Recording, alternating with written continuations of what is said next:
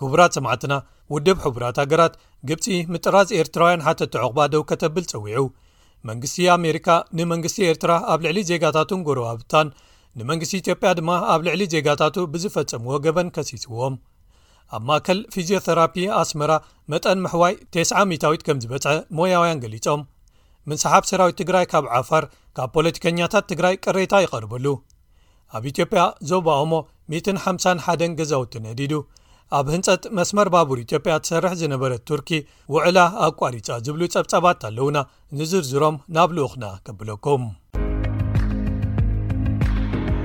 ውድብ ሕቡራት ሃገራት፣ ግብጺ ንኤርትራውያን ሓተትቲ ዕቑባት ምጥራዝ ደው ከተብል ተማሕጺኑ። ሰብ ሞያ ሰብኣዊ መሰላት ሕቡራት ሃገራት ነቲ ግብጺ ኣብ ልዕሊ ኤርትራውያን ሓተትቲ ዕቑባ ተቐጽሎ ዘላ ብጅምላ ምጥራዝ ብምኹናን ብቕልጡፍ ደው ክተብሎ ደጊሞም ጸዊዖም። ፍሉይ ተኸታታሊ ኩነታት ሰብኣዊ መሰላት ኣብ ኤርትራ ምስ ኣብ ተመሳሳሊ ዕዮ ዝነጥፉ መሓውር ሰብኣዊ መሰላት ሕቡራት ሃገራት ብምዃን ትማል ረቡዕ ኣብ ዘቕረብዎ መጸዋዕታ ሓተቲ ዑቕባ ብጅምላ ምጥራዝ ዝብል ፖሊሲ መንግስቲ ግብጺ ከም ዘሻቐሎምን እቲ ስጉምቲ ንኣህጉራዊ ሕግታት ዝጥሕስ ምዃኑን ኣገንዚቦም። እቶም ቀዲሞም ናብ ኤርትራ ዝተመልሱ ስደተኛታት ከኣ ብሕሱም ኣተሓሕዛ ይሳቐዩ ከም ዘለዉ ሓበሬታ ተኣኪቡ ከም ዘሎ እቶም ሰብሞያ ሓቢሮም። ሰብመዚ መንግስቲ ግብጺ ካብ ወርሒ ጥቅምቲ ዝሓለፈ ዓመት ጥራይ ብውሕዱ ስሳን ሸሞንተን ኤርትራውያን ሓተትቲ ዑቕባ ናብ ኤርትራ ከም ዝመለሱ ዝሓበሩ እቶም ሰብ ሙያ፣ ብሓይሊ ዝምለሱ ስደተኛታት ኣብ ኤርትራ እንታይ ዓይነት መቕጻዕቲን ሓደጋን ከም ዝጽበዮም ፍጹም ኣብ ግምት ከም ዘየእተወ ገሊጾም። ኣብዚ እዋን ቆልዓ ሰበይቲ ዝርከቦም ክሳብ ክልተ ሚእቲ ዝበጽሑ ኤርትራውያን ሓተትቲ ዑቕባ፣ ኣብ መዳጎኒ ማእከላት ግብጺ ተታሒዞም ናብ ኤርትራ ንምጥራዝ ይጽበዩ ከም ዘለዉ እዩ እቶም ሰብ ሙያ ገሊጾም ዘለዉ። መንግስቲ ኣሜሪካ ንመንግስቲ ኤርትራ ኣብ ልዕሊ ዜጋታቱን ኣብ ልዕሊ ጎረባብቱ ኢትዮጵያውያንን ንመንግስቲ ኢትዮጵያ ድማ ኣብ ልዕሊ ዜጋታቱ ብዝፈጸምዎም ገበናት ከሲስዎም። ሚኒስትሪ ጉዳያት ወጻኢ ኣሜሪካ ንሰብኣዊ መሰላትን ካልእ ኣገዳሲ ዝበሎ ጉዳይን ዝምልከት ዓመታዊ ጸብጻብ ዘርጊሑ ኣሎ። ኣብቲ ዓመታዊ ጸብጻብ ኢትዮጵያን ኤርትራን ተኸሲሰን ኣለዋ። ኣብዚ ጸብጻብ መንግስቲ ኢትዮጵያ ብቕትለት ዜጋታት፣ ጥሕሰት ሰብኣዊ መሰላትን ተኸሲሱ።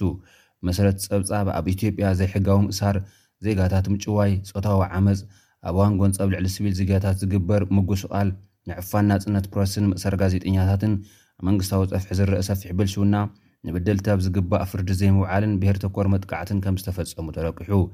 ነዚ ገበናት መንግስቲ ኢትዮጵያ ደው ንኸብሎ ኣይፈተነን፣ ወይ ድማ ኣብ ገለ እዋን ኣካል ናይቲ ጥሕሰት ነይሩ ዝበለት ጸብጻብ፣ ኣብ ገለ ኣጋጣምታት መንግስቲ ንፈጸምቲ በደል ክቐጽዕ ፈቲኑ፣ ትካላዊ ኣሰራርሓ ዝሓዘ ኣግባብ ዘይምንባሩ ግን ናብ ተናጸል ከም ዝወረደ ኣረዲኡ።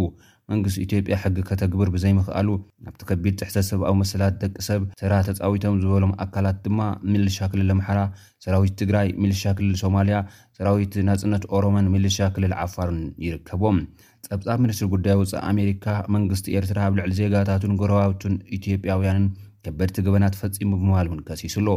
ኤርትራ ኣዝያ ዕጽውቲ ሃገር እያ ዝበለ እቲ ጸብጻብ፣ ብሕልፊ ኣብ ኲናት ኢትዮጵያ ብምስታፋ ነቲ ዝነበረ ጥሕሰታት ከም ዘጋደደቶ ገሊጹ። ሰራዊት ኤርትራ ኣብ ትግራይ ከቢድ በደል ከም ዝፈጸመ እውን ሓቢሩ። ቀንዲ ተሓተትቲ ናይቲ ኣብ ውሽጢ ኤርትራ ዝግበር ሰፊሕ ሰብኣዊ ዓመጻትን በደላትን፣ መሓውራት ጸጥታን ምክልኻል እታ ሃገርን ምዃኖም ኣመልኪቱ። ኣብ ኤርትራ ኣብ ዓመተ ክልተ ሽሕን ዕስራን ሓደን ተፈጺሙ ዝተባህለ ጥሕሰታት መሰል ድማ፣ ማእሰርቲ፣ ቅትለት፣ ጾታዊ ዓመጻት፣ መጭወይቲ፣ ዓፈና ናጻ ፕረስ፣ ስእነት መሰላት ሕግን ካልእን ዘርዚሩ ኣሎ። ክፍሊ ጉዳያት ወጻኢ ኣሜሪካ ከም ቀንዲ ማሕንቖ ናይቲ ኣብ ኤርትራ ዝፍጸም ዘሎ ጥሕሰታት ሰብኣዊ መሰላት ዝበሎ፣ ተሓታትነት ዘንግስ ዝነበረ ሕገ መንግስታዊ ስርዓት ዘይምህላዉ እዩ ኢሉ። መንግስታት ኢትዮጵያን ኤርትራን ከምእውን ኣብ ጸብጻብ ዝተረቑሑ ኣካላትን ክልላትን ነቲ ጸብጻብ ኣመልኪቶም ዛጊድ ዝሃብዎ መልሲ የለን። ምንሳሓብ ሰራዊት ትግራይ ካብ ዓፋር ካብ ፖለቲከኛታት ትግራይ ቅሬታ ይቐርበሉ ኣሎ። ኣባላት ሰራዊት ትግራይ ሒዘሞ ካብ ዝፀንሑ ከባብታት ኢሪብቲ ክልል ዓፋር ከም ዝወፁ መንግስቲ ትግራይ ብሰሉስ ምግላፁ ስዒቡ ኣዘራራቢ ዛዕባ ኮይኑ ይርከብ። እቲ መግለፂ ነቲ መንግስቲ ኢትዮጵያ ኣብ ዝሓለፈ ዕስራን ኣርባዕተን መጋቢት ክልተ ሽሕን ዕስራን ክልተን ወሲደዮ ዝበሎ ምቁራፅ ዝተታብኦ ተኹሲ መንግስቲ ትግራይ እውን ሰራዊቱ ካብ ክልል ዓፋር ናይ ምውፃእ ስጉምቲ ከም ዝወሰደ እዩ ሓቢሩ ዘሎ።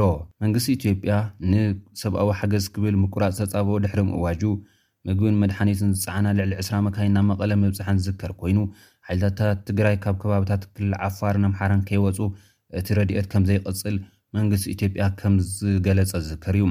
መንግስቲ ትግራይ ካብ ዓፋር ከባቢ እሪብቲ ከምዝወፀን ሰብኣዊ ረድኤት ብዘይገደብ ክኣቱ ከምዝሓተተን ድማ ብሰሉስ ኣብ ዘቃልሖ መግለፂ ሓቢሩ ኣሎ። ንምንስሓብ ሰራዊት ትግራይ ስዒቡ ኣብ ዝተፈላለዩ ኩርናዓት ዓለም ዝርከቡ ተጋሩ ሓያል ክትዕ እንዳካየዱ ይርከቡ። ኣብዚ ጉዳይ ተደሪኹ ሪኢትኡ ዝሃበ ኣባል ላዕለዋይ መሪሕነት ሳልሳይ ወያነ ትግራይ ኣቶ ሃይሉ ከበደ ጠለብ መንግስቲ ኢትዮጵያ ካብ ዓፋር ምውፃእ ድዩ ዝብል ሕቶ ብምብጋስ ናብ መቐለ ካብ ምእታው ማንም ኣይክዓግተናን ዝበሎ ጀነራላትከ ክፍቀደሎም ድዩ ብምባል ምክትል ዋና ኣዛዚ ሰራዊት ኢትዮጵያ ዝኾነ ጀነራል ኣበባው ታደሰ ሰራዊቱ ኣብ ካልኣይ ምዕራፍ ኩናት ትግራይ ንመቐለ ካብ ምእታው ማንም ከምዘይኽልክሎ ንዝሃቦ መብርሂ ብምዝኽኻር መንግስቲ ኢትዮጵያ ሰራዊት ኣብ መላእ ትግራይ ክንቀሳቐስ መሰለዩ እንተበለኸ እንታይ ክግበር እዩ ዝብል ሕቶ ኣቕሪቡ ኣሎ።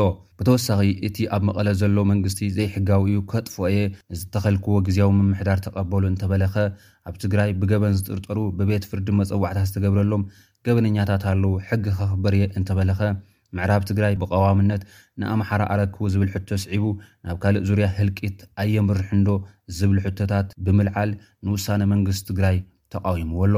መንግስቲ ኢትዮጵያ ብወገኑ ነቲ መንግስቲ ትግራይ ኣብ ዓፋር ዝነበሩ ሰራዊተይ ስሒበ ዝበሎ መግለጺ ትኽክል ከምዘይኮነ ዝገልጽ መብርሂ ሂብሉ ኣሎ። ኣብ ማእኸል ፊዝዮቴራፒ ኣስመራ መጠን ምሕዋይ ተገልገልቲ ቴስዓ ሚኢታዊት ከምዝበጽሐ ሰብ ሞያ ገሊጾም። ኣብ ኣስመራ ንኡስ ዞባ ጎዳይፍ ዝርከብ ማእከል ፊዝዮትራፕ ብዘካየዶ ጻዕሪ መጠን ሕውየት ተገልገልቲ ተስዓ ሚእታዊት ከምዝበጽሐ ሜዲካል ዳይሬክተር ናይቲ ትካል ክኢላ ፊዝዮትራፒ ኣቶ ብርሃነ ሓያሉ ሓቢሩ።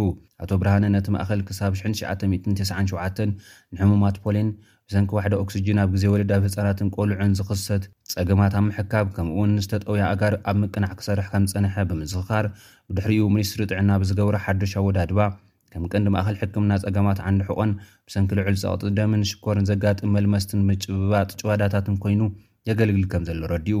ኣብ ክልተ ሽሕን ዕስራን ሓደን ንዝተሰላሰለ ዕማማት ብዝምልከት ኣብ ዝሃቦ ሓበሬታ፣ መዓልታዊ ኣብ ዞባታት ካብ ዝርከባ መወከሲ ሆስፒታላት ንዝተልኣኹ ካብ ሚእትን ሓምሳን ክሳብ ክልተ ሚእቲ ሕሙማት ግልጋሎት ሕክምና ከምዝተዋህበ፣ ብጠቕላላ ኣስታት ክልተ ሽሕን ሓሙሽተ ሚእትን ዜጋታት ተመለሊሶም ከምተሓከሙ መጠን ምሕዋይ ድማ ካብቲ ናይ ክልተ ሽሕን ዕስራን ብሰለስተ ሚእታዊት ዕብየት ከምዘርኣየ ኣብሪሁ። ምስ ዘሎ ፃዕቒ ተገልገልቲ እቲ ማእኸል ተወሳኺ መሳርሕታት ከምዘድልዮ ብምሕባር ዝጎደለ ንምምላእ ምስ ዝምልከቶም ኣካላት ኣብ ምዝራብ ከምዝርከብ ኣረዲኡ። እቲ ማእኸል ኣብ ገፅ ዘጋጥም ምጥዋይ ይኹን ኣብ ካልእ ክፋል ኣካላት ዝኽሰት መልመስቲ ካብ ባህላዊ ፍወሳ ብምሕያብ ተቐዳዲምካ ናብ ትካል ጥዕና ምስ ዝመፅእ እቲ ናይ ምሕዋይ ተኽእሎ ልዑል ምዃኑ ኣረጋጊፁ። ሰብ ሙያ ኣባላት እቲ ማእኸል ብወገኖም ምሕዳስ ናይቲ ህንፃ ንዝበለፀ ግልጋሎት ዘተባብዕ እኳ እንተኾነ ሕፅረትን እርጋንን መሳርሕታት ንምትካእ ኣድህቦ ክወሃቦ ኣዘኻኺሮም። ተገልገልቲ ኣብ ዝሃብዎ ርኢቶ፣ ኣብቲ ማእኸል ብዝረኸበዎ ሕክምናዊ ግልገሎት ጥዕንኦም እናተመሓየሸ ከምዝመፀ ብምሕባር፣ ዝኾነ ናይ ጭዋዳ ምጭብባጥ ኮነ ምድንዛዝ ዘጋጥሞ ዜጋ ተቐላጢፉ ናብ ሰብ ሞያ ክኸይድ ተላብዮም ክብላ ማዕኸናት ዜና ኤርትራ ፀብፂበን ኣለዋ። ኣብ ኢትዮጵያ ዞባ ኦሞ ልዕሊ ሚእትን ሓምሳን ገዛውቲ ብሓዊ ከምዝነደዱ ተሰሚዑ። ኣብቲ ዞባ ብዝተፈጸመ መጥቃዕቲ ልዕሊ ሽሕ ሰብ ተመዛቢሎም፣ ልዕሊ ሚእትን ሓምሳን ኣባይቲ ድማ ከምዝነደዱ እቲ ክልል ኣፍሊጡ ኣሎ። እዚ ከምዚ'ሉ እንከሎ፣ ኣብቲ ገበን ኢድ ዘይብሎም መንእሰያት ይእሰሩ ከምዘለዉ ነበርቲ ጂንካ ገሊጾም። ኣብ ዞባ ደቡብ ኦሞ ከተማ ጂንካን ከባቢኡን ዘጋጠመ ጸገም ጸጥታ ንፈለማ ግዜ ዘጋጠመ ከምዘይኮነ፣ ቅድሚ ሎሚ'ውን ኣብ ዝተፈላለዩ ከባቢታት እቲ ክልል ተመሳሰሊ ህውከታት ይረኣዩ ከምዝነበሩ ነበርቲ ሓቢሮም ኣለዉ። ኣብ ወረዳ ኣሪ ዞባ ናይ ምዃን ሕቶ ቀሪቡ ምስ ተባህለ ዝተኣሳሰረ ተፈፂሙ ዝተባህለ መጥቃዕቲ ኣርባዕተ ኣባላት ፖሊስ ሓዊሱ ሚእትን ሰላሳን ሰለስተን ሰባት ኣብ ትሕቲ ቀይዲ ምውዓሎም ኮሚሽን ፖሊስ ክልል ደቡብ ኣፍሊጡ ኣሎ። ካብ ሓፈሻዊ ሆስፒታል ጂንካ ብመሰረት ዝተረኽበ ሓበሬታ ድማ ልዕሊ ዓሰርተ ሰባት ናይ ሞትን መቑሰልትን ሓደጋ ከምዝገጠሞም ተፈሊጡ። ኣብ ህንፀት መስመር ባቡር ኢትዮጵያ ትሰርሕ ዝነበረት ቱርኪ ውዕል ኣቋሪፃ። ኣብ ኢትዮጵያ መስመር ባቡር ኮምቦልቻ፣ ሓራ ገበያ፣ ወልድያ ትሃንጽ ዝነበረት ቱርኪ ውዕላ ከም ዘቋረጸት ተፈሊጡ ኣሎ። ነቲ መስመር ዝሃንጽ ዝነበረ ኩባንያ ቱርኪ ያፒ መርኮዚ ነቲ ውዕል ከም ዘቋረጸ ንሰራሕተኛታቱ ከም ዘሰናበተ ኣፍሊጡ ኣሎ።